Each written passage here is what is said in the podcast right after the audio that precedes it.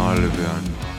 tere taas, head Uduse Albioni vaatajad, me oleme oma järjekordse saatega teie ees ja esimest korda sel hooajal saame rääkida finaali järgsest saatest, sellepärast et täna saavad Kristjan Jaak Kangur, Ott Järvela kokku võtta suure finaali Miki Hiire karikafinaali, nagu seda hellitavalt nimetatakse, ehk et Inglismaa liiga karikafinaal mängiti, Chelsea ja Tottenham mängisid liigamängu ja Chelsea kaotas loomulikult, nagu see ikka on läinud viimasel ajal ja, ja siis meil ikkagi endiselt see üks üleskutse on ka veel teha teile, nii et äh, on, millest rääkida jälle, aga eks me hakkame sinu aastate jooksul kuhjunud viha ja põlastus Charity Shieldi vastu ei ole endiselt lahtunud, ma vaatan.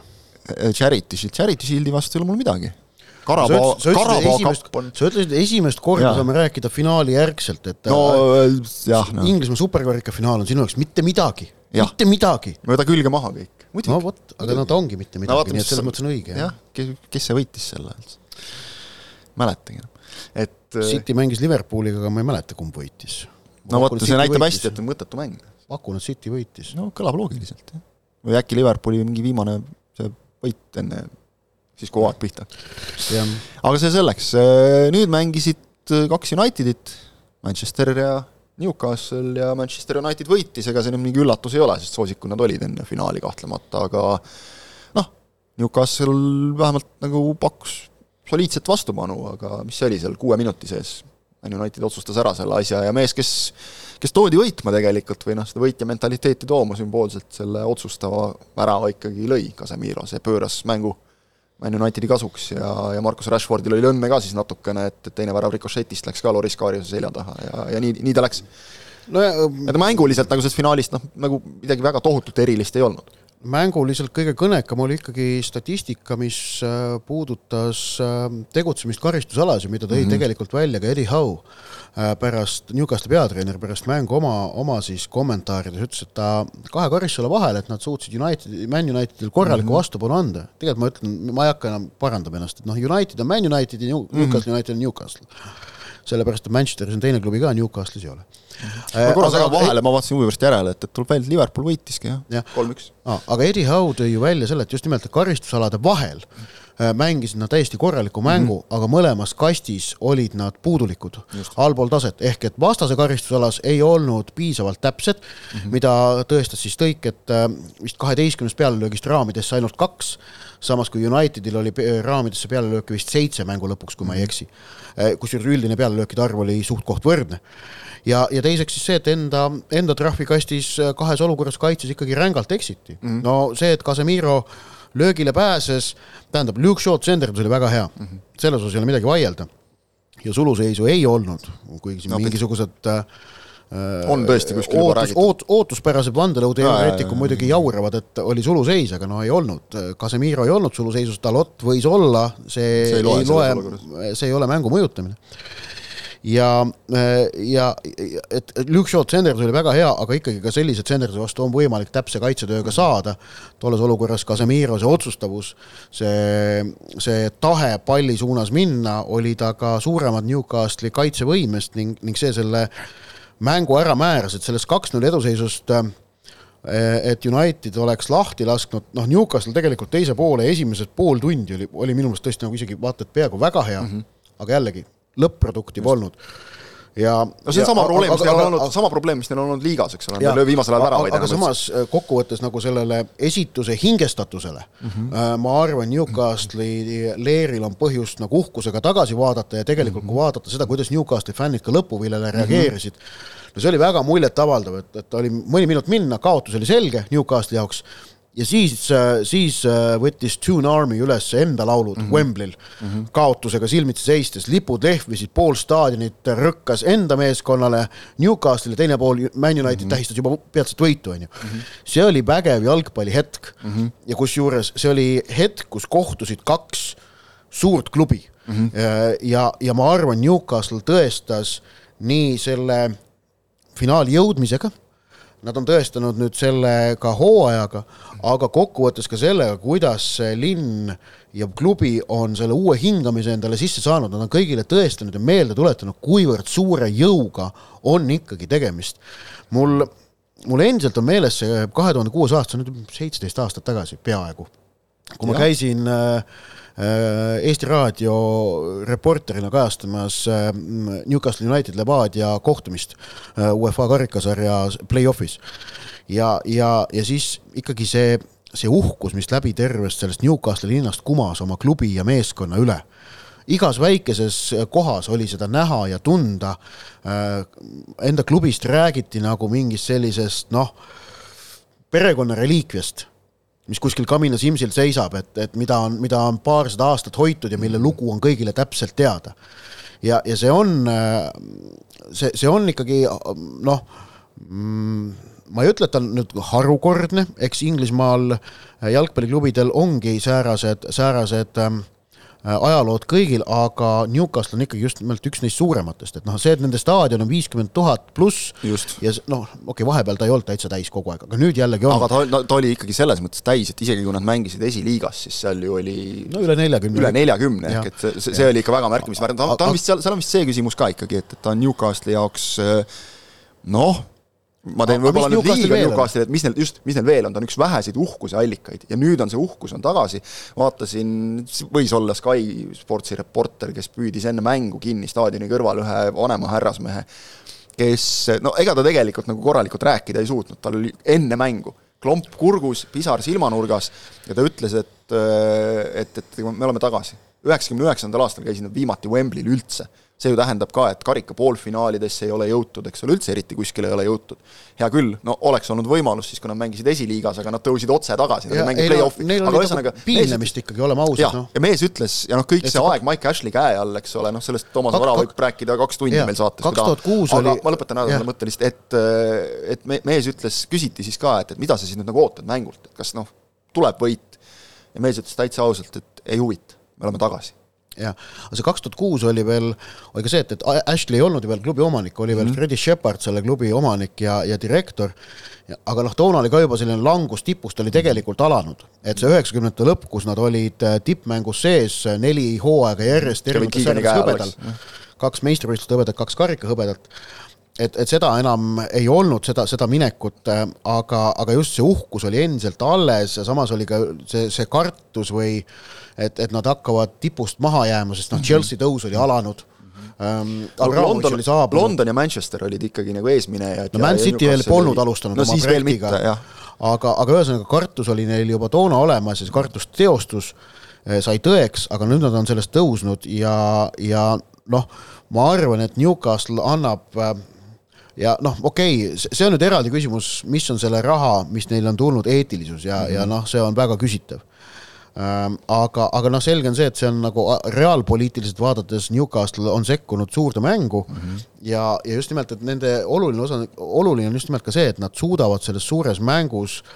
kuidas öelda, oma jõudu näidata ka väljaku kõrval ja ma ei pea silmas finantsi, vaid just nimelt mm -hmm. seda kultuurilist poolt mm. -hmm. just, see on hästi äge et no Eddie Howe näiteks see, millega Manchester Cityl on olnud natuke raskusi. ma ütleks natuke..., et suuri probleeme isegi tegelikult. et, et, et Nad hirmsasti tahavad. et nad aga..., nad, nad ei suuda, see, see klubi kogukond ja kultuur ei suuda tingimata ära täita neid vägevaid saapaid, mida äh, sportlikud saavutused on praegu neile ette maalinud mm. -hmm. ja, ja Manchester City muidugi fännkond, ma olen nagu lugenud ja kuulnud, et, et see seltskond, kes käib staadionil mänge vaatamas, on äh, oluliselt kosmopoliitsem mm -hmm. kui näiteks Manchester Unitedi oma, kus on tõsi, turiste on muidugi Unitedi mm -hmm. mängudel ka väga palju mm, -hmm.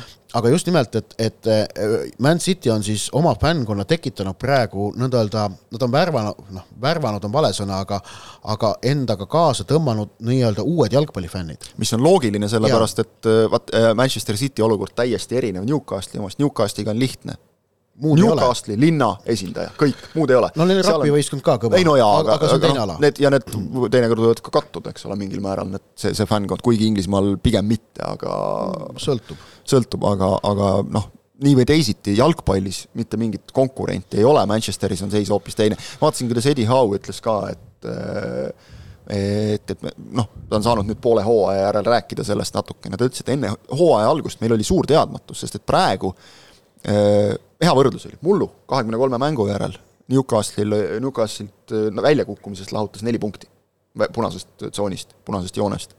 nüüd on neli punkti meistrite liiga kohast ja seejuures neil on Tottenhamiga võrreldes kaks mängu varuks ka veel.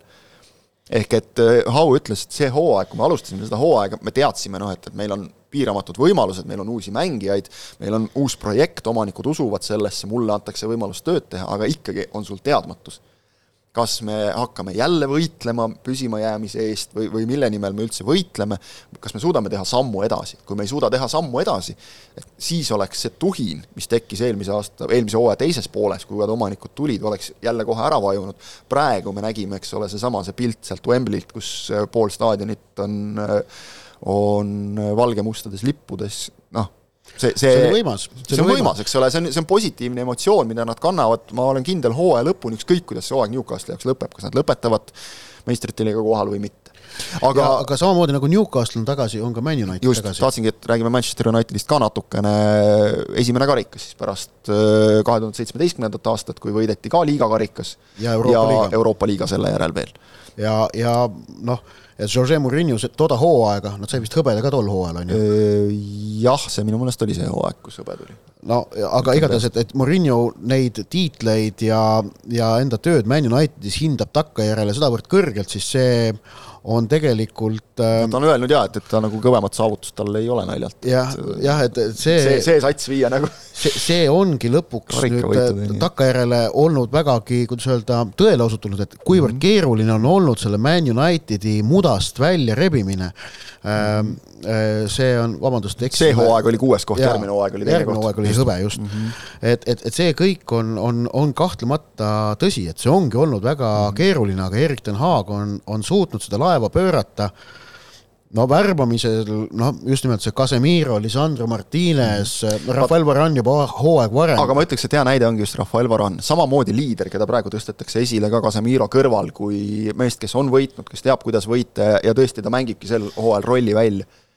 eelmisel hooajal ei mänginud ta seda rolli välja, et minu meelest siin on olid, ikkagi olid ka vigastused? olid vigastused, nõus, aga ma ei ütle isegi nagu seda Varani kriitikana, vaid see on ikkagi see, mis on vägagi olemas Den Haagil kuidas see nüüd ilusti eesti keeles öelda, inglise keeles on ta man management, öeldakse selle kohta, et see on nüüd see, et kus inglise keeles saab tegelikult teha nagu vahet, et keegi on, keegi on hea nagu treener, coach ja juhendaja, jalgpalli mõistes siis, ja keegi on ikkagi hea mänedžer, et ühesõnaga, sa pead ikkagi, sa juhid inimesi. täpselt nagu tegelikult igas edukas ettevõttes hea juht on see, kes juhib hästi inimesi.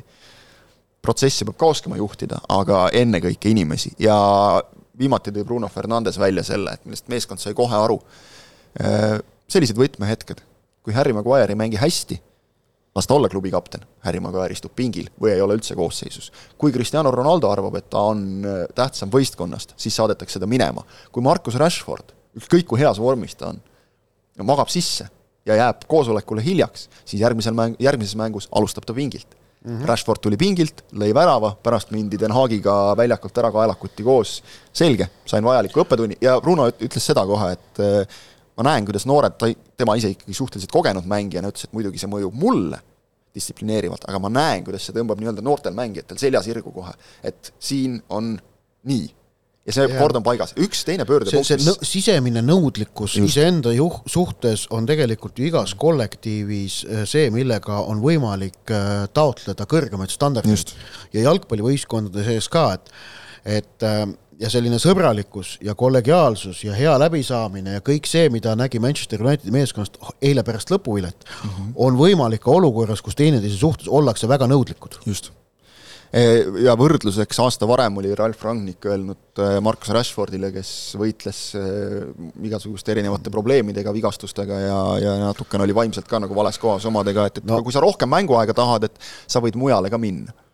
seda võib mujalt ka otsida ja nüüd me näeme, kuidas Rashford mängib, eks ole, et see on no üks näide, aga aga pöördepunkt, mis on nüüd tagantjärgi välja toodud, teine voor. Manchester United alustas ju liiga hooaega kahe kaotusega, teises voorus saadi äh, kolmekümne viiendaks minutiks vist oldi null neli taga Brentfordi vastu.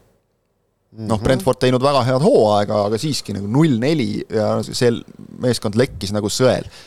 Den Haag, mida ta pärast seda tegi, ta tühistas ettenähtud puhkepäeva ja saatis mees, meeskonna kolmeteist koma kaheksa kilomeetri pikkusele jooksule. Läks ise kaasa? aga läks ise kaasa vot see oli, see, see oli suhteliselt kõnekas. Ja kolmteist koma kaheksa, kolmteist koma kaheksa oli siis seetõttu, et äh, et see oli, see oli see distants, mis oli kahe meeskonna nagu vahe. jah, ja, ja järgmises mängus võideti Liverpooli kaks-üks. just, ja, ja, ja pärast tu... MM-pausi üheksateistkümnest mängust üks kaotus. ja, ja ei noh, ja nagu siin sai eelmine nädal öeldud, United tegelikult on tiitlivõitluses sees, nad on sees seal outsideri ja, ja mingi vähem kui kümneprotsendilise šansiga, aga nad on jätkuvalt sees, sees ja noh, tuletan meelde, et Unitedi möödunud nädal ei olnud ju ainult äh, võit nüüd liiga kõrgsarja finaalis, vaid ja, ikkagi just. ka neljapäeva õhtune võit FC Barcelona ja. üle. ka emotsionaalselt just tähtis, et üks asi on see, et sa jõuad nagu veerandfinaali, teine on see, et kaheksakümmend finaali. teine on see, et, et sa alistad Barcelona kes on La Liga liider olnud seni. okei okay,, said ka eile Almeria käest pähe, aga ikkagi. ja, ja kui me paneme selle äh, eurosarjades Inglismaa klubide poolt näidatud tulemuste konteksti, on pilt veel hoopis teine. Chelsea kaotas Borussiale, Liverpool sai Madridi Reali käest tappa mm -hmm. rämedalt, rõvedalt, on ju. see oli kole äh,. just äh,. Spurs kaotas Milanile. Spurs kaotas Milanile, Man City tegi Leipziga mm -hmm. pettumuse valmistanud üks-üks mm -hmm. viigi. ainukene Inglismaa klubi, kes eurosarjas praegu eelmise kahe nädala jooksul õnnestus, oligi Man United mm, -hmm. kes mängis võõrsil FC Barcelona vastu mm -hmm. väga hea partii, tegi kaks-kaks viigi, kodus kehv esimene poolaeg, tuldi sealt välja ja tõusti võidule mm -hmm.. noh, see Antoni võiduvärav oli veel, no see, see oli tehniliselt suurepärane ka see emotsioon. üks asi tehniliselt mis... suurepärane, aga teisest küljest ka see, et, et lihtsalt, mis kinni ei jää, saab kinni löödud, ehk otsiti ja suruti nii kaua, kuni ja. jõuga tuli. ja, ja, ja just nimelt see emotsioon, mis ka neljapäeval Traffordil valitses pärast seda võitu, oli noh, seda läbi teleekraani nähes, see oli ka midagi sellist nagu ikkagi elektrifitseerivat kasutaks sellist äh, rõvedat toortõlget inglise keeles siinkohal. aga oli, et, et, et see emotsionaalne foon praegu Manchester Unitedil on väga hea ja no ütleme nii, et äh, eelmisel hooajal saime rääkida Liverpooli võimalikust nelikvõidust, siis praegu võib rääkida Man Unitedi omast, et neil on, põhimõtteliselt on neil võimalused olemas. kolmapäeval tuleb nüüd Inglismaa karikasarja kaheksandikfinaal West Hamiga kus ehm, noh, et nad on Inglismaa karikasarjas konkurentsis, liigakarikas on võidetud, Euroopa liigas ollakse kuueteist seas ja noh, Premier no. League'is nagu öeldud, kümme protsenti ikkagi ma neile annaksin, aga aga teisalt muidugi, eks ole, West Ham korralik vastane ja noh, siin on minna veel, isegi kui neist jagu saadakse, Real Betis, kes saadi Euroopa liigas, seal nüüd ei maksa unustada, et esimene mäng on kodus, teine võõrsil ehk väike eelis selles mõttes on võib-olla Betisil sõltub, eks ole, kuidas avamängu mängid, aga tegelikult kui nüüd vaatad, et noh, jess, karikas käes, nüüd saab nagu pidutseda, et ega ma arvan, siin neile tunnike ja, ja siis kamandas Den Haag mehed koju, sellepärast et kui vaatad järgmist eh, graafikut, nagu sa ütlesid, juba kolmapäeval karikamäng West Hamiga, siis järgmine liigamäng nädalavahetusel Liverpooliga, siis eh, neli päeva vahet eh, Real Betis, kolm päeva vahet Äh, Southampton, noh, võime küll mõelda, et tabeli viimane, aga kohe me räägime, mis Chelsea arvab Southamptonist, eks ja. ole. et, et aga... ja, ja siis sinna otsa uuesti Real Betis ehk et noh, ja, ja see on siis nüüd äh, märtsi keskpaigani alles. ja, et... ja probleem, mis nagu Unitedil, mis United võib hakata segama, on äh, ründemängijate äh, roteerimisvõimaluse, ütleme noh, vähene võimalus ründemängijaid no, roteerida. üleüldse ütleksin, et lühike pink. sest e eile, eile vaadates Unitedi eilset pinki, siis eh, edurivi mängijaid ja ründemängijaid oli seal ainult kaks, olidki Garnacho ja, ja Sancho ja, ja lisaks platsi peal, platsi peal Antoni Rashford, Weghorst. aga ega rohkem ei olegi kuskilt võtta ka. no Bellistri no, on ka. okei okay,, Bellistri on ka ja noh, Martial on praegu katki, aga. ja Mars-, just nimelt, Martial on katki, sellepärast jääb ta kõrvale. ja Langa vist on ka katki Elanga on olnud olemas, ma arvan, et ta ei mahtunud eile lihtsalt koosseisu. okei okay,, ja Bellistri on ka olemas, et aga noh, Bellistri ja Langa on sellised noh, et täidavad äkki viimased viisteist minutit ära West Hami vastu, kui juhtub kaks-null edu olemas olema mm. -hmm. aga, aga noh, väga palju enamat mitte, et see ründemängijate rotatsioon on see, mis võib hakata United ennekõike segama mm. -hmm. aga samas äh, võib juhtuda ka see, et, et noh, praegu Erik ten Haag, noh, ta roteeribki vähe tegelikult mm. -hmm. aga, aga noh, on on teatavasti nagu headele nii... võistkondadele omane see, et nad ei vajagi teab mis palju trenni, vaid vajavad ka ainult puhkust, et kui vorm on hea ja minek on hea, siis selle no,, mis... selle pealt minnakse ja tehakse. mis praegu on ja noh, oleme ausad, kui sul siin on kolme-nelja päeva tagant mängud, siis ei jõuagi seal muud teha peale taastava trenni ainult, et ega siin mingisugust muud trenni ilmselt ei tehtagi praegu. aga, aga jah, see on kindlasti üks, üks võimalikke probleeme, aga, aga noh, ütleme, et Manchester Unitedi tõus nagu tagasi sinna tippu on, on jälle kuidagi värskendav selles suhtes, et, et et üles-alla need asjad käivad. vaatame praegu Liverpooli, eks ole, noh, jälle nagu allamäge ja, ja noh, Liverpool Liverpooliks, aga Liverpoolil tegelikult ei ole isegi siin, isegi siin pärast seda hirmsat kolakat Real Madridilt, noh, on meistrite liigaga, kuidas on, aga, aga vahel ongi hea nagu liigale keskenduda, nagu öeldakse Inglismaa kaotajate klassikaline vabandus, aga esineliku koha püüdmine täiesti võimalik veel endiselt et, et selles mõttes Liverpoolil ei ole nagu hullu midagi, nad on sealt saanud no, vigaseid mehi tagasi, et, et noh, tähendab hullu on, aga noh. hullu on see, et, et vaatad seda tabeliseis, tähendab, vaatad nagu neid eelmise nädala tulemusi mm.. kaks-viis Madridi Realiga ja null-null Crystal Palace'iga, et see on hull. seda küll, seda küll. Äh, ma vaatan, kas meil oli mõni lugeja küsimus ka Liverpooli kohta. Unitedi kohta oli, jah mis on saanud Phil Jones'ist, oli küsimus. just, väga oluline küsimus, Harry Maguire Phil Jones'ist äh, Aga..., Phil Jones'i eile kusjuures ennem kui teleülekanne peale hakkas, äh, siis äh, istusin seal Viaplay boksis ja siis nägin, kuidas ajasid juttu Phil Jones ja Nick Pope mm väljaku ääres, mõlemal ülikond seljas ja see on, no seda muidugi finaalist ei jõudnud rääkidagi, et, et ja. sooviti teha sellest finaalist Loris Kaariuse nimelist finaali, ei tulnud mitte ühestki otsast. Kaarius, väga korralik partii, kummaski väravast minu arust tal mitte midagi teinud ei, ei olnud, aga see, kuidas seda afišeeriti mm, -hmm. mõlema värava järel Kaarius suurde plaani. tal ei olnud mitte midagi teha. no kuule, aga sa tead ju, tele tahab lugu teha, eks ja. ole, et see on selge. enne äh, avapilet, tema suures plaanis ja nõnda edasi aga, aga teisel poolel polnud enam põhjust. teisel poolel polnud põhjust jah, sest ta tegi oma korraliku ma väga loodan, et Loris Kaarius kuidagi saab oma karjääri tänu sellele mängule äkki uuesti järje peale. kui väravavahtist räägime, siis üks oluline asi veel, et, et tegelikult ikkagi üks Newcastli mees sai ju nagu meistrimedali ka. Dubravka. Martin Dubravka, et no iseenesest oleks nagu punk olnud, kui ta oleks kõigepealt käinud nagu tiiru läbi sealt nagu Newcastle'iga koos ja siis uuesti Manchester Unitediga. ma ei ole kindel, kas ta saab selle võidumedali. no see vist sõltub, ma arvan, Manchester Unitedist, kaks mängu ta mängis kaasa selles suhtes nagu liiga karikasarjas, et selles mõttes ta oleks nagu auga ära teeninud selle, et kui nad tahavad talle anda, aga noh, see kindlasti ei ole nagu selline medal, millega minna nüüd Newcastle'i riietusruumis kekutama, et, et teistel on need äh, puust medalid seal ja sa lähed oma sellega, et ma võitsin, et see ei ole, ilmselt ei lähe väga hästi peale nagu. Äh, Liverpooli teemaline küsimus oli meil ka, Kaarel küsib, et, et kas Liverpool suudab neljanda koha saavutada, et võimalik. võimalik, sest neljanda koha peale praegu mäng käib ikkagi ütleme siis Tottenhami, Liverpooli ja, ja siis Newcastle'i. Fulhami. no aga mat, kas, kas Fulham, Brighton on nagu ikkagi pikas plaanis ja Brentford nagu neljanda koha konkurentsis? aga miks nad ei peaks olema? aga miks ei võiks olla samas, kui teised mängivad oma eurosarju ja asju ja karikaid ja nemad saavad ainult liigale keskenduda, nagu öeldud et ma nagu ei näe põhjust, miks nad ei võiks seal olla, jah, nad on, nende, nende kolme šansid on väiksemad kui Liverpooli omad mm, -hmm aga Liverpooli omad on jällegi väiksemad kui Newcastle või Tottenhami omad, ma arvan. no Liverpool on, ühesõnaga Liverpool on neljanda koha konkurentsis, seda võime öelda. aga kui nüüd küsida, et noh, noh pigem nad ei saa sinna esinelikusse, nende šanss on kindlasti väiksem kui viiskümmend protsenti. protsenti tahtsin just. selge, sellega korras. Chelsea, sest no, et no mis nendest, jah. Nemad kohe kindlasti siin ei Nemad ei saa kindlasti Nemad kohe kindlasti ma ikka vaatasin, see on ikka selles mõttes täitsa kohutav, et nüüd on hakanud äh, Graham Potter ka juba rääkima, et äh, et ega, ega ma noh, mul nagu puuduvad vabandused. mis on selles mõttes aus jutt. nüüd, nüüd on minu arust et... märgiline on nüüd see, et pärast kaotust Tottenhamile, null kaks kaotust, Chelsea väravate vahe on negatiivne nüüd on negatiivne, jah? nüüd on negatiivne no, aga, ja neil on su... löödud vähem väravaid kui peetud mänge. kahekümne nelja mänguga kakskümmend kolm väravat novembrist saadik ei ole mitte ükski Premier League'i meeskond, ka need, kes võitlevad püsima, püsimajäämise eest, löönud nii vähe väravaid. ehk siis noh, põhimõtteliselt Potteri tulekust saadik viieteistkümnest mängust kaks võitu. väljalangemistsoon on ainult kümne punkti kaugusel. jah, ja kui sa lööd, äh, vaatasin, viimase viieteist mänguga kuus väravat. mänge ei saa võita, kui sa väravaid ei löö ju. Sean Dyche esines sellise äh, noh, natukene selline veidi eneseiroonilise, aga aga sellise sõnavõtuga, kui Evertoni järjekordset kaotust lahkas, et ütles, et üldiselt, et kui väravaid ei löö, siis on mänge raske võita. tõsi ta on, viimase kuue mänguga üks värav Chelsea'l.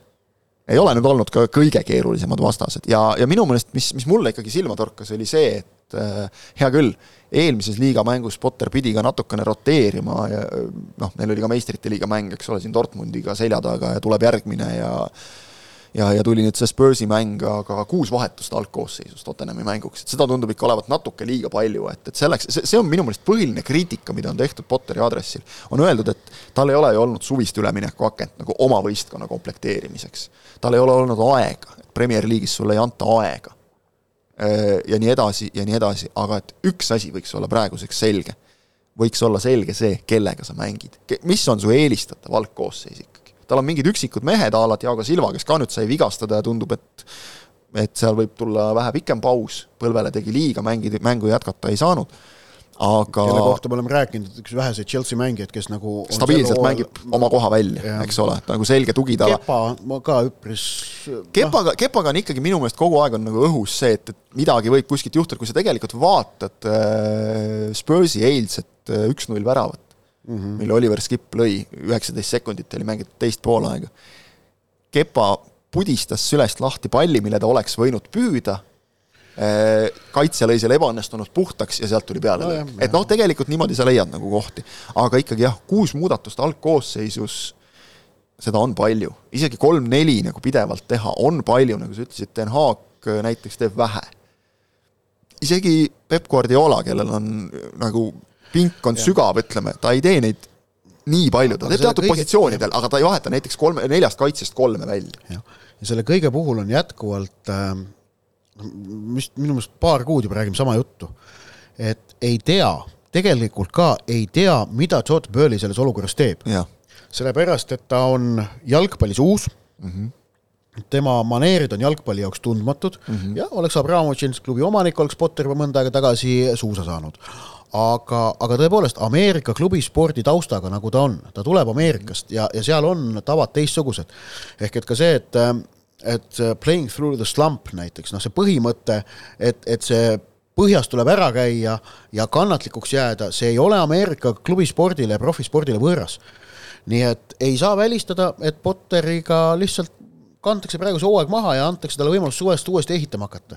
Muidugi USA profispordis ärme unustame seda, et, et noh, selline see tankimise põhimõte, eks ole, et, et ei, ei üritatagi nagu kõrgeid kohti saada selleks, et saada siis mängijate draftis paremaid valikuid.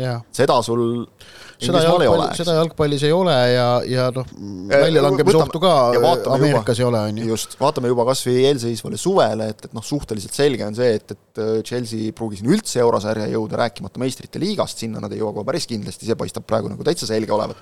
kui nad seda meistrite liigat ära ei võida. no ka see tundub üsna ebatõenäoline hetkeseisug.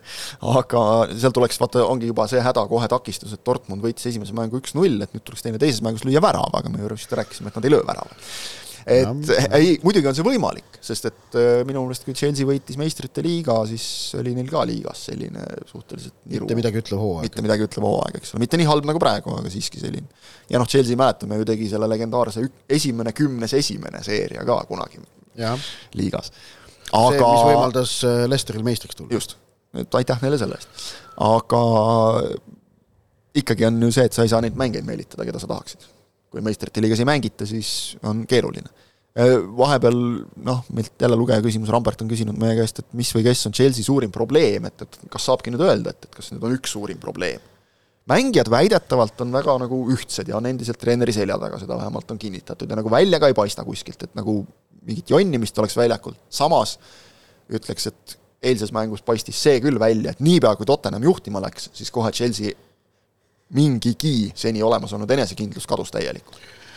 äkki Chelsea üks probleem on siis see, et, et kas, kas võib painata seda klubi võistkonda ja mängijaid ka personaalselt need rahasummad, mis nende mängijate eest on siin alates eelmisest suvest välja käidud, ehk et äh, kui mängijad ise kuskil sisemas tunnetavad, et nende eest maksti üle, siis see võib tekitada surve, mis äh, mõjutab esitusi mm. -hmm ja see on, aga see on kõik niivõrd spekulatiivne, see on niivõrd oletuslik ja see on niivõrd peidetud, et seda nagu lõplikult äh, mhm. öelda pole võimalik mm. -hmm. võib ainult nagu aimata aga... ja pakkuda, eks ole, et äkki on see ja. üks aga, aga ma arvan, et noh, lõpuks ongi see, plaanis, ühte suure... asja ei ole, on paljude erinevate asjade kokku. aga suures plaanis tõestab see jällegi seda, et, et marginaalid ka Inglismaa klubi jalgpalli tipus eriti on läinud sedavõrd pisikeseks, et kui kas või mõni väikene asi ei klapi või natukene asjad ei klapi, need tagajärjed võivad olla päris suured, see on see, mida ma ütlesin tegelikult ka eelmine nädal selle Liverpool-Madridi reaalmängu kokkuvõtteks.